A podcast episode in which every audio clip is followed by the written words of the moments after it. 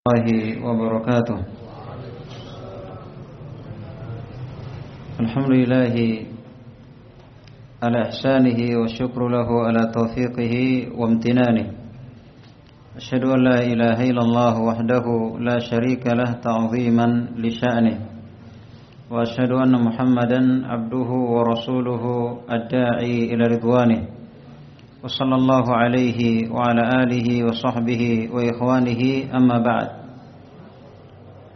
kaum muslimin dan muslimat ikhwan wal akhwat rahimani wa rahimakumullah pada malam hari ini kembali kita melanjutkan kajian kita terhadap kitab Salatatul Usul karya Syekh Muhammad Ibn Abil Wahab rahimahullahu taala kita masih pada mukaddimah yang ketiga tentang Al-Hanifiyah yaitu agama Nabi Ibrahim alaihi salam yaitu agama yang mengajarkan pemurnian ibadah hanya kepada Allah Subhanahu wa taala.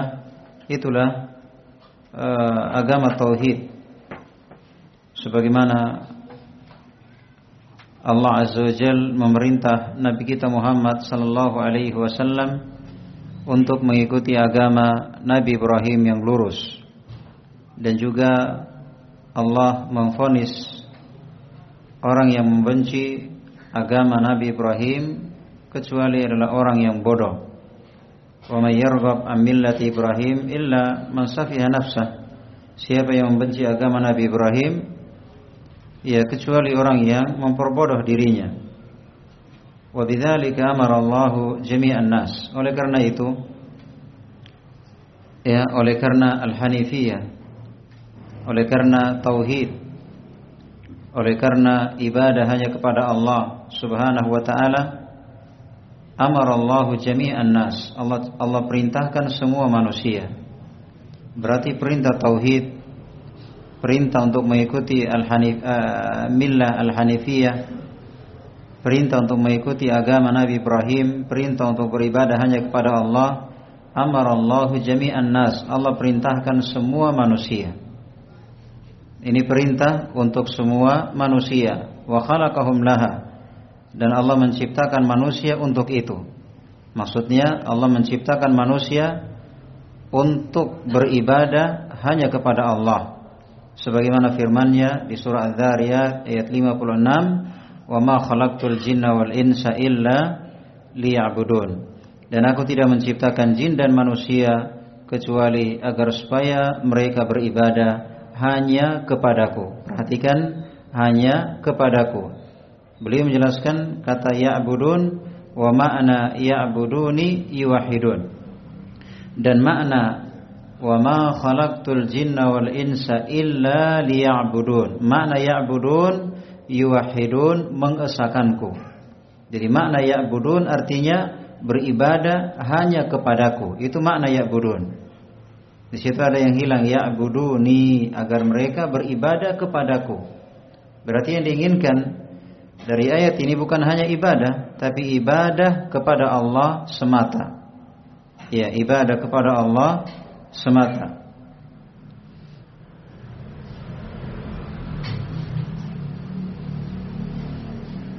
Wa a'dhamu ma amara Allah bihi tauhid. Dan perintah Allah yang terbesar adalah tauhid. Perintah Allah Subhanahu wa taala yang terbesar adalah tauhid. Ya perintah Allah banyak, ada perintah solat, ada perintah puasa, ada perintah zakat, ada perintah haji, ada perintah uh, hijab, ada perintah jihad. Ya, banyak sekali perintah Allah Azza wa Jal. Namun perintah yang terbesar yaitu perintah tauhid. Allah Subhanahu wa taala memerintahkan semua manusia agar bertauhid, agar beribadah hanya kepada Allah Subhanahu wa taala. Sudah kita jelaskan bahwa tauhid itu merupakan persatuan para nabi dan rasul. Tidak ada perbedaan. Semua rasul Allah, semua nabi Allah, semua kitab Allah sama dalam hal tauhid. Baik yang diajarkan Nabi Isa dalam Injil, yang diajarkan Nabi Musa dalam Taurat, Ya, yang diajarkan oleh Nabi kita Muhammad sallallahu alaihi wasallam dalam Quran semuanya sama. Semuanya mengajarkan tauhid. Semuanya mengajarkan tauhid. Oleh karena itu tauhid merupakan persatuan.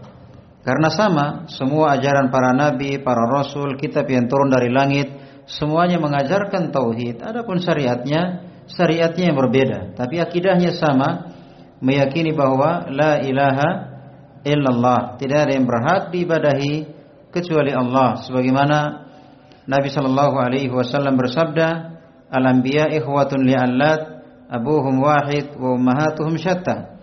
Para nabi itu bagaikan satu ayah bapak mereka uh, bapak, para nabi itu uh, ikhwatun li allat, saudara seayah. Bapak mereka satu tapi ibunya berbeda. Ya maksudnya uh, persatuan mereka satu yaitu tauhid. Yaitu akidah, induk agama mereka, pokok agama mereka satu yaitu tauhid. Adapun syariatnya berbeda-beda, cara sholatnya, cara puasanya, cara eh, jihadnya, cara tobatnya, ya, cara toharohnya itu berbeda-beda. Adapun dasar agamanya sama, semuanya mengajarkan bahwa la ilaha illallah. Tidak ada yang berhak dibadahi kecuali Allah Subhanahu wa taala. Oleh karenanya sebagaimana ditekankan di sini oleh penulis wa a'zamu ma amara bihi at-tauhid dan perintah Allah yang terbesar adalah tauhid. Iya. Perintah Allah Subhanahu wa taala yang terbesar eh, yang terbesar adalah tauhid. Makanya rukun Islam yang pertama la ilaha illallah. Rukun iman yang pertama apa itu beriman kepada Allah. Beriman kepada Allah di antara kandungannya seorang mengatakan saya beriman kepada Allah. Di antara yang dia imani tentang Allah, dia harus meyakini bahwa la ilaha illallah. Di antara yang dia imani iya, bahkan ini yang paling besarnya bahwa tidak ada yang berhak disembah kecuali Allah Subhanahu wa taala. Berarti rukun Islam yang pertama la ilaha illallah. Rukun iman yang pertama menekankan la ilaha illallah. Ya. Wa huwa ifradullah bil ibadah. Yang dimaksud dengan tauhid yang dimaksud dengan tauhid adalah ifradullah bil ibadah. Mengesahkan Allah mengesahkan Allah dalam ibadah. Ya, tauhid dari kata wahid. Tauhid dari kata wahidun artinya satu. Iya, jadi wahidun artinya satu. Kalau tauhid artinya menjadikan satu atau mengesahkan. Misalnya kabir, kabir besar. Kalau takbir, maksudnya taf'il, takbir artinya membesarkan. Azim artinya agung. Ta'zim artinya mengagungkan. Sogir artinya kecil, tapi kalau tasgir artinya mengecilkan. Wahid artinya satu. Tauhid artinya mensatukan, mengesahkan. Iya. Allah Subhanahu wa taala diesakan dalam hal apa? Diesakan dalam hal ibadah. Tauhid, la ilaha illallah, kalimat tauhid. Karena dengan kalimat ini la ilaha illallah, tidak ada yang berhak diibadahi kecuali Allah. Berarti kalimat ini kalimat yang melambangkan tauhid karena maknanya tidak ada yang berhak diibadahi kecuali Allah. Berarti ini namanya tauhid, menjadikan ibadah seluruhnya itu hanya kepada Allah Subhanahu wa taala. Itu yang dimaksud dengan tauhid. Itu yang dimaksud dengan tauhid. Jadi bukan masalah masalah beriman, yang penting kita beriman, yang penting kita percaya adanya Tuhan, adanya pencipta, ya adanya kita percaya Allah itu maha sempurna, Iya, kalau seperti ini apa namanya? Semua orang kafir atau orang kafir pun percaya. Orang-orang kafir pun percaya, tapi yang diinginkan dengan tauhid yang merupakan pembeda antara muslim dan kafir adalah seorang muslim meyakini bahwa tidak ada yang berhak, tidak ada yang benar, tidak ada yang pantas untuk diibadahi kecuali siapa? Allah Subhanahu wa taala. Dan tentunya seorang muslim itu pasti meyakini pasti meyakini bahwa tidak ada yang benar yang yang pantas diibadahi kecuali Allah. Hanya saja mereka tidak mengerti, tidak mengerti bentuk-bentuk ibadah sehingga mereka tidak sadar apa yang mereka lakukan di pohon keramat, apa yang mereka lakukan kepada penghuni-penghuni, apa yang mereka lakukan kepada jin, mereka telah beribadah kepada selain Allah tanpa mereka sadari. Mereka tidak pernah berpikir bahwa sembelihan merupakan ibadah. Mereka enggak berpikir bahwa doa merupakan ibadah. Mereka enggak berpikir bahwa tawaf merupakan ibadah. Ya, mereka enggak berpikir bahwa nazar merupakan ibadah. Sembelihan merupakan ibadah. Khusyuk, tawakal, uh, al-khauf, ar-raja yang merupakan ibadah hati, ini merupakan ibadah. Ya mereka tidak tidak sadar itu. Mereka pikir mungkin ibadah itu kalau sholat, sujud, ruku itu baru ibadah. Padahal ibadah itu ya sembelihan, yang banyak diserahkan kepada penghuni. Ya nazar yang banyak yang yang banyak seorang bernazar karena selain Allah. Tawaf yang banyak seorang bertawaf di selain Ka'bah. Ada yang tawaf di kuburan ada yang tawaf di pohon keramat macam-macam. Ya padahal itu merupakan ibadah. Yang jelas tauhid artinya la ilaha illallah. Tidak ada yang berhak diibadahi kecuali Allah subhanahu wa taala itu namanya tauhid. Ya Jadi kesimpulannya eh, Allah Subhanahu wa taala memerintahkan semua manusia dan ini merupakan perintah Allah yang terbesar dan maksud Allah menciptakan jin dan manusia yaitu agar mereka menegakkan tauhid agar mereka menegakkan tauhid yaitu beribadah hanya kepada Allah Subhanahu wa taala maka ini menunjukkan bahwa tidak ada yang benar yang pantas diibadahi kecuali Allah. Ya, kecuali Allah Azza wa Jal. Sebagaimana tidak ada Tuhan, sebagaimana tidak ada Tuhan dan tidak ada yang maha sempurna kecuali Allah, oleh karena itu Allah pula lah yang berhak disembah. Karena hanya Dia Tuhan, maksudnya hanya Dia yang mencipta, yang mengatur, menguasai alam semesta, dan hanya dia yang maha sempurna. Kalau begitu hanya dia pula yang berhak disembah. Manusia beraneka ragam telah menyembah. Ada yang menyembah Nabi Isa. Ada yang menyembah malaikat. Ada yang menyembah jin. Ada yang menyembah matahari. Ada yang menyembah apa namanya e, macam-macam yang disembah oleh manusia. Dan kita katakan bahwa tidak ada yang berhak disembah kecuali Allah siapa pun dia entah dia nabi seperti Nabi Isa, entah dia rasul, entah dia malaikat seperti Jibril. Siapa pun dia, maka yang namanya ibadah bukan haknya makhluk. Ibadah itu hak Allah Azza wa Jal. Tidak ada yang berhak untuk diibadahi kecuali Allah. Apalagi kalau hanya jin. Apalagi kalau hanya kuburan dari tahu siapa penghuninya. Apalagi kalau hanya dan seterusnya. Sedangkan Jibril aja nggak bisa Sedangkan Nabi Muhammad pun tidak bisa.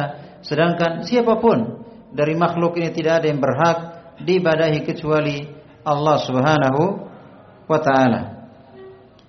Dan tauhid yang sering kita bahas terbagi tiga. Ada tauhid rububiyah, ada tauhid uluhiyah, dan ada tauhid asma wa sifat. Jangan sampai yang bilang, "Oh, ini bidah, tidak ada dalilnya." Tidak ada dalilnya tauhid terbagi tiga. Mana ayatnya, mana hadisnya yang bunyi bahwa tauhid terbagi tiga? Jawabannya, ya jawabannya ini di, diambil, artinya dipetik dari ayat-ayat Al-Quran dan hadis-hadis Rasulullah Sallallahu Alaihi Wasallam. Para ulama telah memeriksa Al-Quran dan hadis, maka mereka tidak menemukan kecuali tauhid terbagi tiga. Kecuali tauhid terbagi menjadi tiga. Tauhid rububiyah, tauhid uluhiyah dan tauhid asma wa sifat. Tauhid rububiyah maksudnya mengesahkan atau meyakini bahwa tidak ada tidak ada yang mencipta, yang mengatur dan menguasai alam semesta kecuali siapa? Kecuali Allah. Kecuali Allah. Ini terjemahan yang sekarang banyak diartikan terhadap la ilaha illallah tidak ada Tuhan kecuali tidak ada Tuhan selain selain Allah. Kita katakan itu terjemahan yang salah. Karena la ilaha illallah itu bukan menekankan, bukan menekankan tidak ada tidak ada yang mencipta kecuali Allah. Tidak ada yang menguasai, mengatur alam semesta kecuali Allah. Bukan itu yang ditekankan pada kalimat la ilaha illallah. Tapi yang ingin ditekankan pada kalimat la ilaha illallah artinya tidak ada yang berhak diibadahi kecuali siapa? Allah. Itu yang ditekankan. Itu yang ditekankan pada kalimat la ilaha illallah. Adapun masalah tidak ada yang mencipta, yang mengatur dan menguasai alam semesta. Kenapa enggak ditekankan? Karena kaum musyrikin di masa Nabi itu mereka meyakini hal itu. Kaum musyrikin di masa Nabi itu meyakini bahwa Allah pencipta, Allah pengatur, Allah penguasa alam semesta. Ngapain ditekankan lagi sesuatu yang mereka sudah yakini? Tapi yang ingin ditekankan adalah apa yang mereka selesihi karena mereka menyembah selain Allah. Makanya ketika disuruh oleh e, Nabi Shallallahu Alaihi Wasallam untuk mengucapkan kalimat La ilaha illallah, maka mereka mengatakan Ja'al al-alihata ilaha wahida. Apakah mereka, apakah dia, maksudnya Muhammad, e, Nabi kita Muhammad, apakah dia ingin menjadikan sembahan satu saja? Ya berarti yang diinginkan dengan dengan penekanan dari kalimat la ilaha illallah sebagaimana yang dipahami oleh kaum musyrikin. Kaum musyrikin di masa Nabi ketika disuruh oleh Nabi mengucapkan la ilaha illallah, apa yang tergambar di benak mereka? Mereka langsung menjawab, apakah dia mau menjadikan yang kita sembah satu saja? Berarti mereka pahami bahwa yang dimaksud dengan kalimat ini yaitu kita tidak boleh beribadah kecuali hanya kepada siapa? Allah. Tapi sekarang diterjemah dengan tidak ada Tuhan selain Allah. Ini keluar dari maksud. Keluar dari maksud dan arti dari kalimat La ilaha illallah. Terjemahan yang tidak nyambung dan sekaligus keluar dari maksud kalimat ini. Karena terjemahan tidak nyambung. Masa masa masa eh, diartikan Tuhan tidak nyambung. Coba misalnya kita baca ayat eh, surah eh, Qul a'udzu birabbin nas, malikin nas, ilahin nas. Katakan, saya berlindung kepada Rabbin nas. Rabb diartikan apa di situ? Kalau buka terjemahan, diartikan Tuhan. Qul a'udzu birabbin nas. Katakan saya berlindung kepada Tuhannya manusia. Malikin nas, penguasa manusia. Ilahin ilahin nas. Apa diterjemah di situ? Apa diterjemah? sembahan manusia. Kenapa ada la ilah la ilah di sini la ilah atau la robba? La ilah ilah diterjemah coba surah Nas. Ilahin nas sembahan manusia. Kenapa nggak diartikan la ilah sembahan berarti ilah di situ bahasanya kan? Ada apa ini? Iya, kalau masalah meyakini masalah meyakini tidak ada Tuhan kecuali Allah, semua percaya orang kafir coba tanya. Tanya orang-orang Nasara. Iya, artinya tanya uh, orang-orang musyrikin. Adapun orang-orang Nasara, ah, mereka jelas kesyirikannya ya. Mereka mempertuhankan siapa? Isa, iya alaihi salam. Iya, tapi secara umum orang-orang kafir itu meyakini bahwa Allah pencipta, Allah penguasa, Allah pengatur alam semesta. Itu secara umum. Iya, Artinya eh, perbedaan antara kita dengan mereka secara umum itu bukan dalam masalah ini.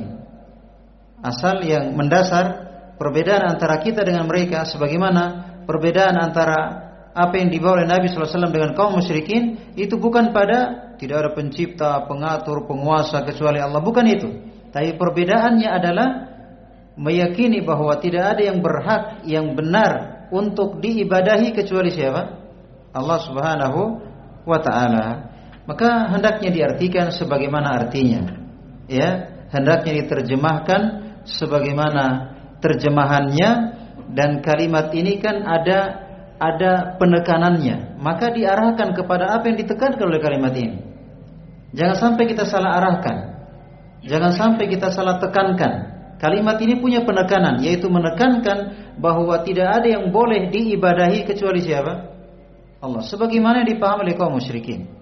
Sebagaimana dipahami oleh kaum musyrikin. Maka jangan sampai kaum musyrikin di masa Nabi lebih paham ya makna dan e, penekanan dari la ilaha daripada kaum muslimin sekarang ini. Jangan sampai Iya, kita mengucapkan kalimat la ilaha illallah tapi kerjaannya syirik.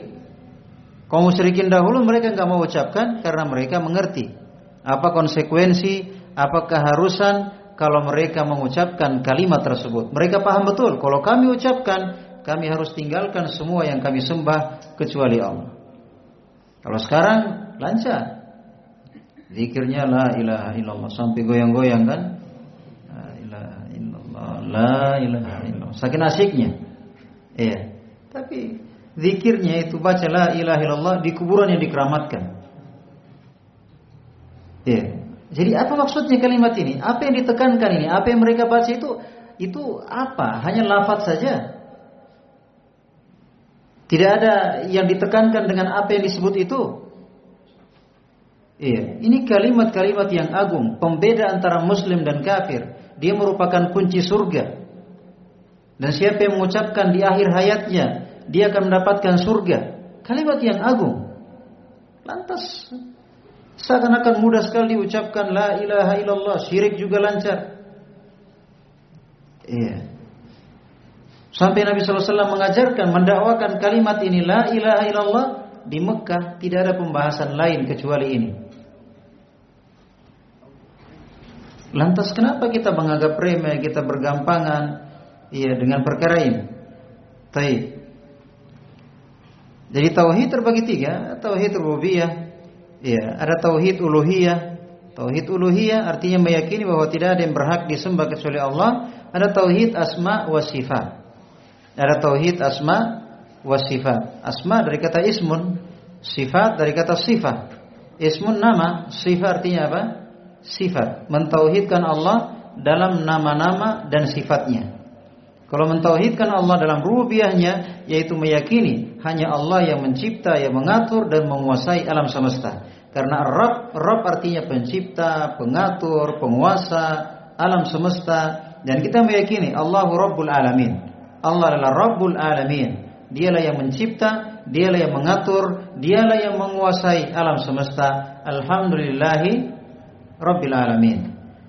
Uh, la ilaha illallah uh, tauhid uluhiyah meyakini bahwa tidak ada yang berhak diibadahi, disembah kecuali Allah. Ya, iya karena iya karena budu hanya kepadamu kami beribadah.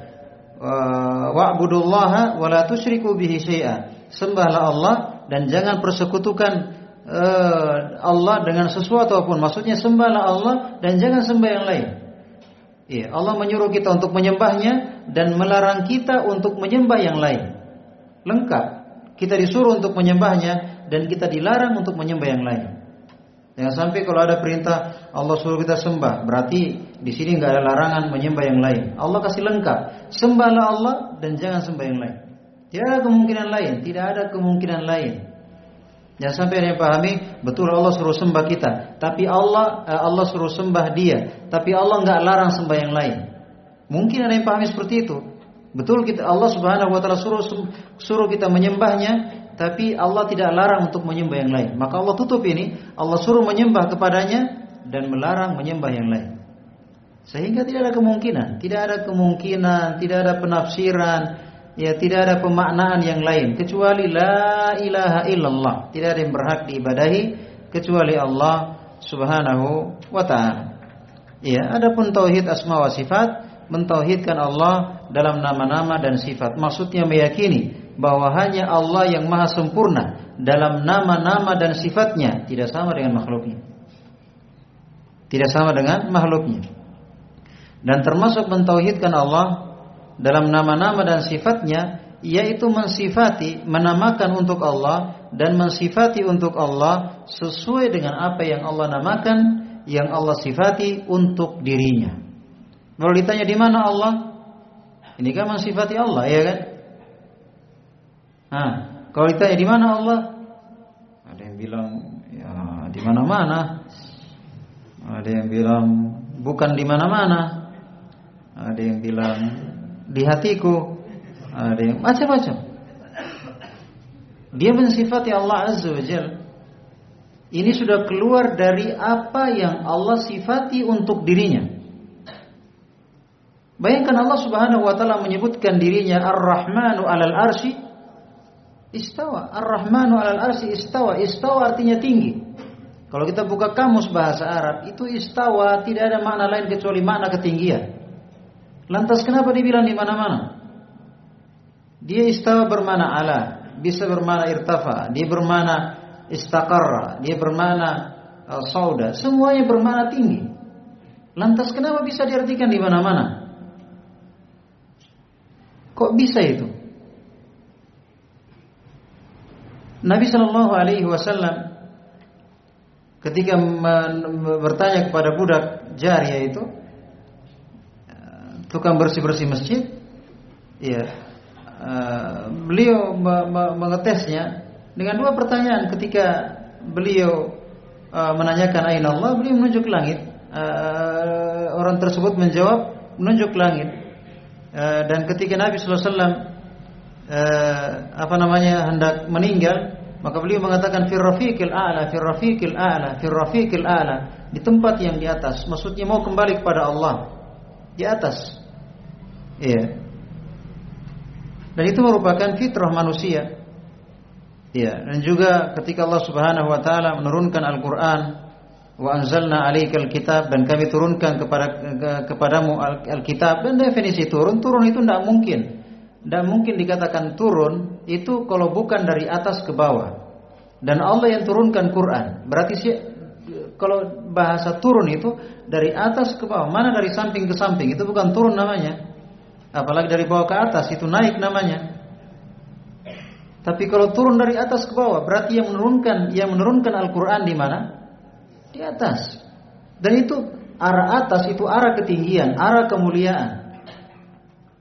Makanya orang-orang para raja ya para pembesar sukanya di mana di samping di belakang di depan atau di atas di atas karena atas itu merupakan lambang ketinggian iya lambang kesempurnaan iya maka Allah Subhanahu wa taala di atas nggak usah tanyakan bagaimana di atas hanya dia yang tahu tidak ada keterangan yang jelas dia di atas Ya, jangan paksakan diri bagaimana dia di atas. Nggak usah tanyakan seperti itu. Yang jelas dia di atas, adapun bagaimananya tidak ada keterangan. Tidak ada keterangan. Yang ada saja di, seorang itu hanya mengimani apa yang ada. Nggak usah paksakan yang tidak ada. Yang ada aja belum habis dibahas. Belum habis dipelajari, ngapain repot-repot lagi bahas yang tidak ada? Iya. Bagaimana Allah turunnya ke langit dunia pada sepertiga malam terakhir? Iya kan? Cara turunnya bagaimana? Pakai apa turunnya? Terus kalau di atas kosong siapa yang jaga?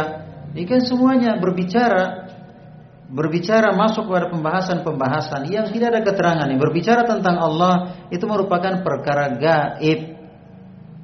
Perkara gaib. Artinya kalau perkara gaib ini seorang tidak ada yang tidak ada yang mengetahui perkara gaib kecuali siapa? Allah. La ya'lamul ghaiba illallah. Tidak ada yang mengetahui perkara gaib kecuali Allah. Berarti berbicara tentang perkara gaib, tunggu keterangan dari yang mengetahui yang gaib dan tidak ada yang mengetahui yang gaib kecuali siapa? Kalau begitu tidak ada yang mengetahui dirinya, bagaimana dia kecuali Allah, maka tunggu keterangan dari dia baru bicara. Ya. Jangan pakai akal-akalan, berarti kalau begini, berarti begini, berarti kalau begini, begini. Ini masalah gaib. Seorang harus tunggu keterangan dari yang mengetahui yang gaib. Selesai urusan. Berbicara tentang alam kubur, berbicara tentang jin, berbicara tentang surga neraka. Ini perkara gaib. Oh, dia bersembunyi di tulang, pencet tulangnya. Dia bersembunyi di belakang. Gimana dia tahu? Ini perkara gaib. Berbicara tentang alam kubur, perkara gaib. Maka seorang tidak boleh berbicara akan perkara gaib kecuali ada keterangan dari yang mengetahui yang gaib yaitu Allah Subhanahu wa taala. Iya, maka beriman uh, tauhid terbagi tiga ada tauhid rububiyah, ada tauhid uluhiyah, ada tauhid asma wa sifat. Dalilnya adalah berdasarkan Quran dan hadis. Kesimpulan setelah para ulama menelaah, mendalami, membaca Quran dan hadis, mereka tidak menemukan kecuali tauhid terbagi tiga. Kecuali tauhid terbagi tiga. Yang betul apa namanya tidak ada hadis khusus apa namanya bahwasanya eh, lafadznya tauhid terbagi tiga at tauhid eh, tangkasim yang kasim eh, ila aqsam atau lafaz seperti enggak ada memang lafaz hadis dari para ulama simpulkan dari ayat-ayat Al-Quran dan hadis-hadis Rasulullah Wasallam mereka menarik kesimpulan bahwa tauhid tidak keluar dari tiga macam itu.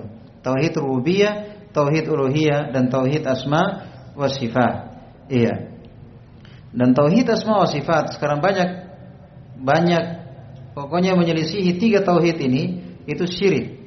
Jadi mungkin syirik dalam rububiyah, mungkin syirik dalam uluhiyah dan mungkin syirik dalam asma wa sifat, nama-nama dan sifat Allah Azza wa Jalla.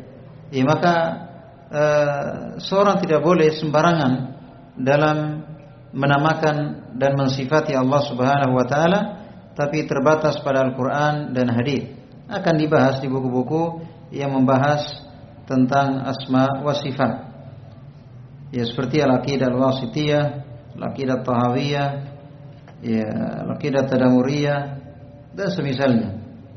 Jadi kesimpulannya wa ma amara Allah bihi at-tauhid. Dan yang paling bes, e, perintah Allah Subhanahu wa taala dan wa adzama amrallahu bihi. Dan yang yang paling besar yang Allah Subhanahu wa taala perintahkan adalah tauhid. Dan makna tauhid adalah ifradullahi bil ibadah. Mengesahkan Allah dalam ibadah. Mengesahkan Allah dalam ibadah. Wa adzama manaha anhu asyirk dan larangan yang terbesar adalah apa syirik larangan yang terbesar adalah nama Allah. Maksudnya menyembah Allah tapi nyembah yang lain. Ibadah kepada Allah tapi juga ibadah kepada yang lain. Itu namanya kesyirikan, berserikat. Kalau tidak beribadah kecuali kepada selain Allah itu murni kekufuran. Kesyirikan juga merupakan kekufuran. Iya. Kesyirikan juga merupakan kekufuran kepada Allah Subhanahu wa taala. Allah berfirman di surah An-Nisa ayat 36 wa'budullah wa la tusyriku bihi syai'a. Sembahlah Allah dan jangan persekutukan Dia dengan sesuatu apa pun. Kalau kita mau terjemah bebas, sembahlah Allah dan jangan sembah yang lain. Iya. Sembahlah Allah dan jangan sembah yang lain. Kesyirikan ini ini merupakan larangan terbesar. Ini di antara bahaya dari syirik. Tidak ada dosa dari semua dosa yang ada mengalahkan bahaya dari dosa syirik. Pertama bahayanya, syirik itu merupakan merupakan larangan yang terbesar. Larangan Allah banyak, larangan dari zina, dari riba, dari khamar, dari judi, dari durhaka, dari banyak sekali larangan Allah Azza wa Tapi larangan yang terbesar tidak ada yang mengalahkannya, yaitu larangan dari apa? Dari syirik. Karena syirik ini karena dia merupakan larangan yang terbesar, berarti dia dosa yang paling besar. Karena dia larangan yang terbesar, menempati urutan pertama. Berarti dia dosa yang paling besar. Inna syirka la dzulman azim. Sungguhnya kesyirikan merupakan dosa yang dosa yang besar. Nabi SAW mengatakan, mau aku tunjukkan kepada kalian dosa yang paling besar? Kata para sahabat, tentu ya Rasulullah. Maka Nabi menyebutkan yang paling besar al-isyraku billah, kesyirikan kepada Allah Subhanahu wa taala. Syirik itu merupakan dosa yang tidak akan diampuni kalau seorang mati belum sempat bertobat maka tidak akan diampuni. Syirik merupakan dosa yang seorang itu menyebabkan diharamkan surga, di, dijamin neraka dan tidak akan ditolong oleh Allah SWT. Syirik itu merupakan dosa yang menggugurkan semua pahala tanpa tersisa. Syirik merupakan dosa yang menyebabkan seorang tidak akan mendapatkan syafaat. Ya, syirik merupakan banyak sekali bahaya syirik dan bahayanya mengerikan. Syirik merupakan pembatal keislaman. Iya, syirik merupakan merubuhkan pondasi agama. Syirik merupakan banyak sekali bahaya, bahaya syirik. Oleh karenanya wajar para nabi, para rasul, semua kitab itu semua memberantas kesyirikan. Ya, misi yang paling pertama itu memberantas kesyirikan. Dan yang paling besar, rasul yang paling uh, semangat memberantas kesyirikan yaitu Nabi kita Muhammad sallallahu alaihi wasallam. Bisa dibuktikan dakwah beliau 13 tahun di Mekah tidak ada apa yang beliau berantas kecuali memberantas kesyirikan. Iya. Dan tidak akan sirna kesyirikan kecuali dengan cara menjadikan ibadah hanya kepada siapa? Allah Subhanahu wa taala. Berarti harus ada meninggalkan dan harus ada menetapkan. Meninggalkan semua yang disembah selain Allah dan menetapkan ibadah hanya kepada Allah Subhanahu wa taala itulah yang disebut dengan uh, syirik. Uh, ini itu itulah yang disebut dengan tauhid.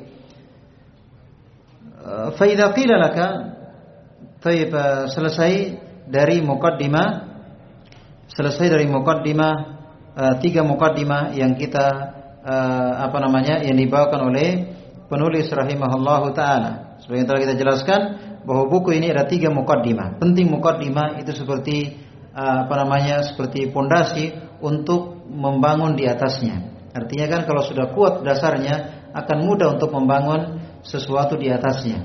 Maka sudah kita lewati mukaddimah yang pertama tentang empat kewajiban. Yang mana empat kewajiban ini merupakan jalan keselamatan dunia akhirat. Yang pertama kewajiban belajar, yang kedua beramal, yang ketiga berdakwah, dan yang keempat bersabar. Kemudian yang kedua tentang kewajiban, tiga kewajiban, yaitu mengetahui akan fungsi kita sebagai manusia, ia meyakini bahwa tidak ada yang berhak disembah kecuali Allah dan apa namanya membuktikan. Ya membuktikan bahwa tidak ada yang berhak disembah kecuali Allah yaitu dengan cinta apa yang Allah cintai dan dengan benci apa yang Allah benci.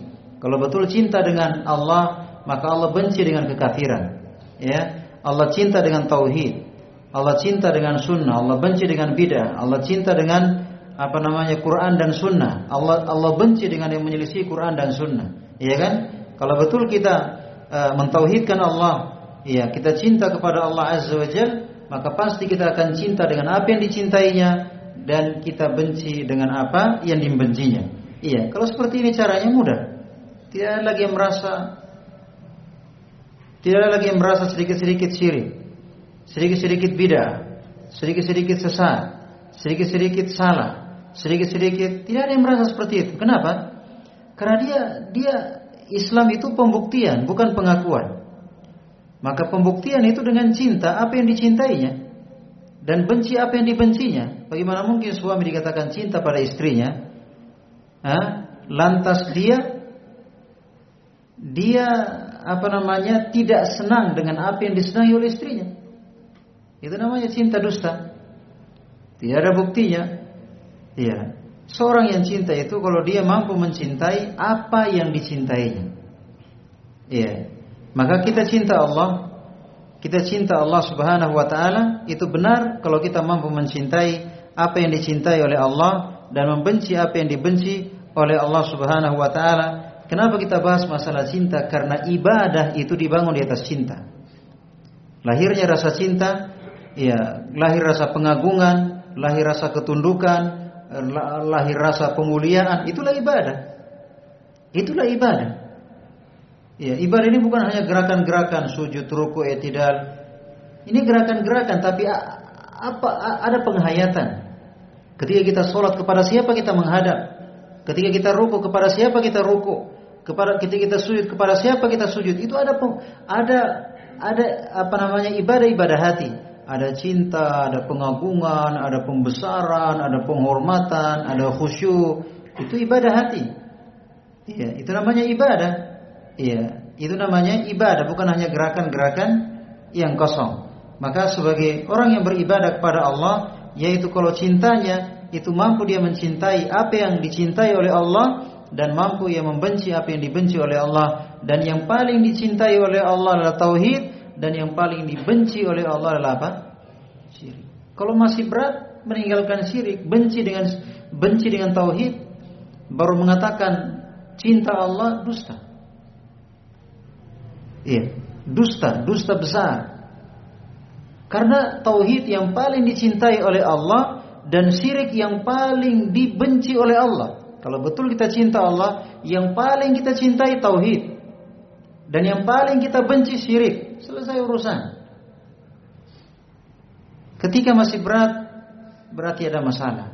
Ada masalah dengan cinta. Iya. Berarti selama ini kita cinta dusta. Iya. Maka yang terpenting adalah yang terpenting adalah kita membuktikan, bukan mengakui. Sekarang gampang mengaku tapi tidak tidak bisa membuktikan. Iya mengaku cinta Nabi, makanya maulid Nabi, ya kan? Itu yang terpenting, itu ikuti sunnahnya Nabi, ikuti akidahnya Nabi, ikuti ajarannya Nabi. Itu yang penting. Kasih nama namanya Muhammad.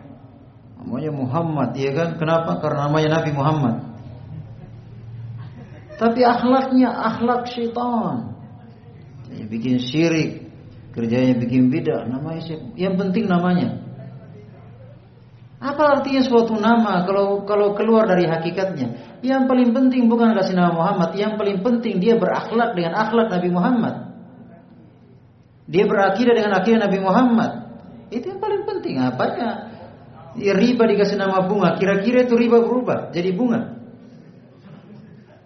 Mau diganti bunga, mau dibilang mawar, mau dibilang kembang sepatu, mau dibilang apa saja tetap riba maka nama tidak akan merubah hakikat.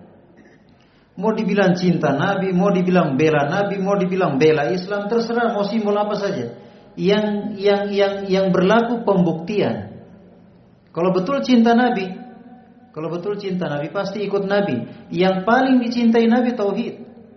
Yang paling dibenci Nabi syirik. Buktikan. Kalau betul cinta Nabi. Eh, dia bilang kalau kalian gak maulid berarti kalian gak cinta Nabi. Baik.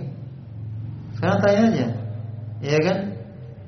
Berarti banyak sekali yang gak cinta Nabi, termasuk para sahabat. Para sahabat, termasuk istri-istri Nabi. Tidak ada satupun baik Nabi masih hidup dan ter, termasuk Nabi sendiri tidak cinta dirinya. Ya, pernah nggak Nabi rayakan kelahirannya? Nggak pernah kan? Berarti kalau kita bilang begitu nggak cinta Nabi sudah, Nabi juga nggak cinta dirinya. Ini konsekuensinya berat. Iya, oleh karenanya eh, apa namanya? Pada mukaddimah yang ketiga ini menekankan akan al-hanifiyah, agama al-hanifiyah yang merupakan agama Nabi Ibrahim yaitu tauhid itu tauhid, agama yang mengajarkan untuk beribadah hanya kepada Allah Subhanahu wa taala, ah, baru masuk di al-usul ats-tsalatsa. Ya kan? Baru masuk di al-usul ats-tsalatsa. Gampang sudah artinya sudah ada dasarnya. Tinggal dibahas usul salasa sudah gampang diterima. Tapi kalau langsung usul salasa, ah, langsung ma'rifatullah, ma'rifatun nabi, langsung ma'rifatul dinil Islam itu berat. Tapi setelah dasar-dasar ini ada empat dasar, tiga dasar, satu dasar, nah sudah, insya Allah membangun di atasnya itu mudah. Ya, dan demikian seharusnya seorang dalam berdakwah ada pengantar-pengantar, ada mukaddimah-mukaddimah, ya ada dasar-dasar yang dikasih, kemudian dibangun di atasnya. Jangan langsung bid'ah, syirik, sesat, neraka, jahanam, kekal.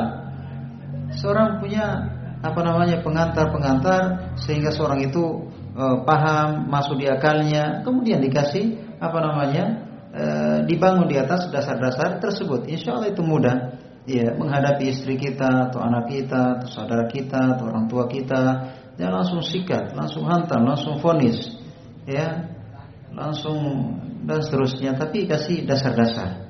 Ya, makanya perlu ada waktu-waktu, ada tahapan-tahapan, ya, ada eh, apa namanya eh, bertahap dalam dalam menyampaikan itu penting sekali.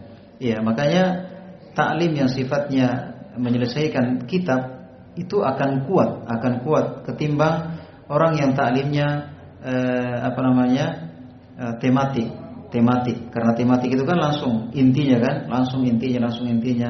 Tapi ketika seorang itu dia menyelesaikan buku-buku pada setiap bidang, baik itu bidang eh, ini akidah, tauhid uluhiyah, Nah itu dia akan kuat sekali. Dia akan paham dasar-dasarnya apa. Sebelum masuk ke inti pembahasan dikasih dasar ini dulu, dia akan mengerti. Tapi kalau yang sifatnya eh, tematik, pokoknya sikat.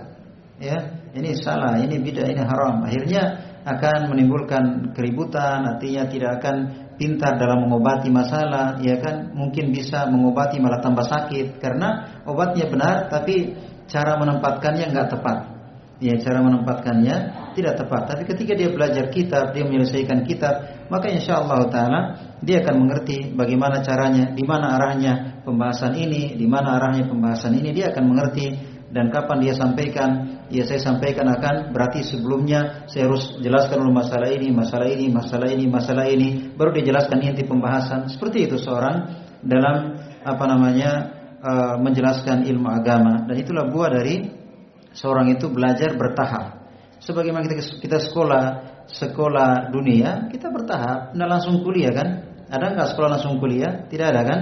Ya, sama dengan ilmu agama, seorang belajar dari apa namanya tahapan-tahapannya para ulama kita sudah menyusun buku-buku yang merupakan tahapan-tahapan dari ilmu agama. Sekarang kita tinggal buka belajar. Tidak repot-repot lagi mana kurikulumnya, ya mana mana panduannya. Pokoknya para ulama sudah bikin rapi, ya sudah dibuktikan, diuji coba, tersebar Islam dengan buku-buku mereka, tinggal pelajari.